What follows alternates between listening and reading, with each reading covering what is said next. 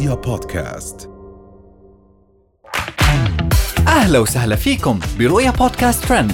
كل إشي بتحتاجوا تعرفوه عن آخر أخبار النجوم والمشاهير وأهم ترند صدر لهذا الأسبوع. لماذا أساءت حنان دشتي للسعودية؟ هند القحطاني تعلن اختفاء ابنها معاذ والسبب صادم. رهف القحطاني block صادم ورقصة غريبة. وأخيرا فيديوهات توثق مشاجرة عنيفة خلال حفل مريم فارس في الرياض.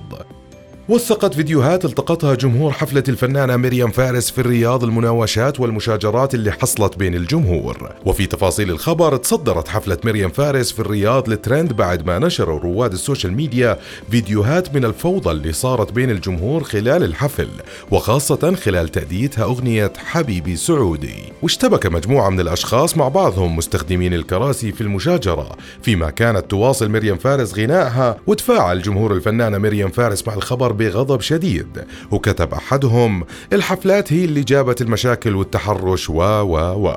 وفي تعليق ساخر كتبت إحدى المتابعات الناس مذبحة. وهي تقول شو هيدي شو هيدي ضرابة ومذبحة. ومن مريم فارس بنبقى بالسعودية مع رهف القحطاني اللي أثارت الجدل بعد ما ظهرت في فيديو أمس كانت ظهرت فيه بمكياج ولوك غريب وتصرفات غريبة بحيث ظهرت وهي بترقص بطريقة مبالغ فيها على أنغام أغنية قديمة للفنان المصري حكيم.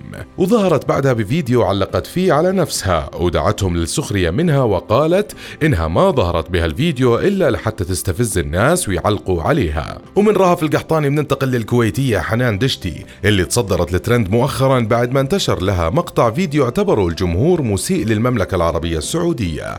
بعد ما عبرت عن رأيها بالأسعار في المحلات التجارية وإنهم بيستغلوا اسمها كونها مشهورة وأضافت إنه هالشي مش مقتصر على السعودية لكن حتى الكويت بتتعرض لنفس المشكلة. وكان أبرز ما استفز الجمهور هو نسب نفسها لإحدى العائلات المعروفة بالسعودية ليتهموها بعدها بالإساءة. وصدر هاشتاج حنان دشتي تسيء للسعودية الترند على تويتر وخرجت بعدها وبررت موقفها وقالت إنها لم تقصد أي إساءة للسعودية عندما أوردت اسم خاشقجي. مبينة إنها كانت تقصد من وراء ذكر هذا الاسم عائلة خاشقجي المعروفة في السعودية بثرائها. ومن الكويت وأزمة حنان دشتي بننتقل أخيرا للناشطة السعودية هند القحطاني واللي كشفت مؤخرا سبب اختفاء ابنها معاذ وخاصة بعد ما تردد انه هناك خلافات بينهم بسبب رفضه لسلوك والدته. وكتبت القحطاني في سنابها قائلة كانوا في بداية ظهوري إلى نهاية عام 2021 يحرضون الناس على إلغاء متابعتي وعدم الشراء من إعلاناتي.